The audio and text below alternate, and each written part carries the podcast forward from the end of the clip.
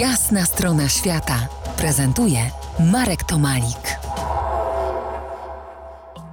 Wracamy do rozmowy o etnoastronomii rdzennych mieszkańców Australii. Wszystko, co jest na Ziemi, odbija się na niebie. Czy to znaczy, że czytając gwiazdy możemy zrozumieć nasze otoczenie?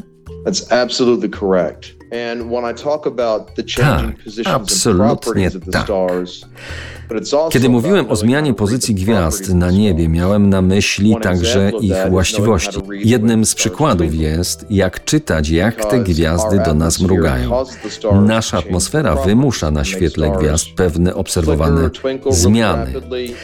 Mogą mrugać intensywnie, zmieniać kolory, mogą ukazywać się zamazane i jak wiesz, jak to wszystko czytać, możesz zrozumieć warunki atmosferyczne, przewidywać pogodę i zmiany pór roku.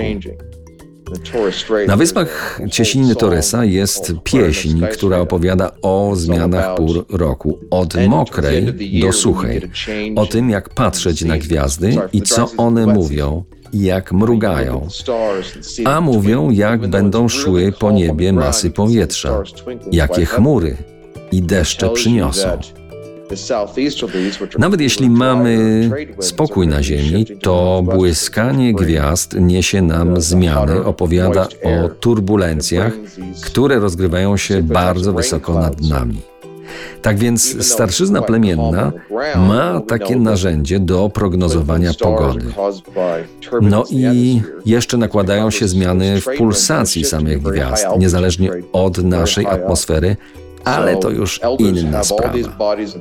Niemniej aborygeni obserwowali ten nasz świat, jego, jego niebo, te wszystkie zmiany i mogli skutecznie przewidywać nadejścia pór roku, jak i prognozować pogodę dla swoich celów, a także przypominać, by kroczyć ścieżką prawa, które dla aborygenów było niezwykle ważne, wręcz święte.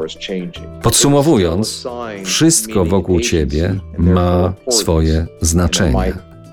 Wszystkie te zmiany położenia gwiazd na niebie mogą mówić o tym, co się tu dzieje na dole, na naszej Ziemi. So everything around you has purpose and has meaning, and all those subtle changes in the properties and the positions of the stars can tell you what's happening down here.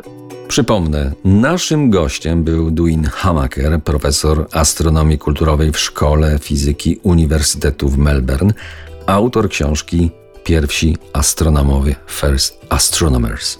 Tematów dotyczących rdzennych Australijczyków po jasnej stronie świata w bliższej i dalszej przyszłości nam nie zabraknie, bo to sfery, które zgłębiam od dawna i im bardziej mocno wchodzę w te sfery, tym bardziej wydają się fascynujące.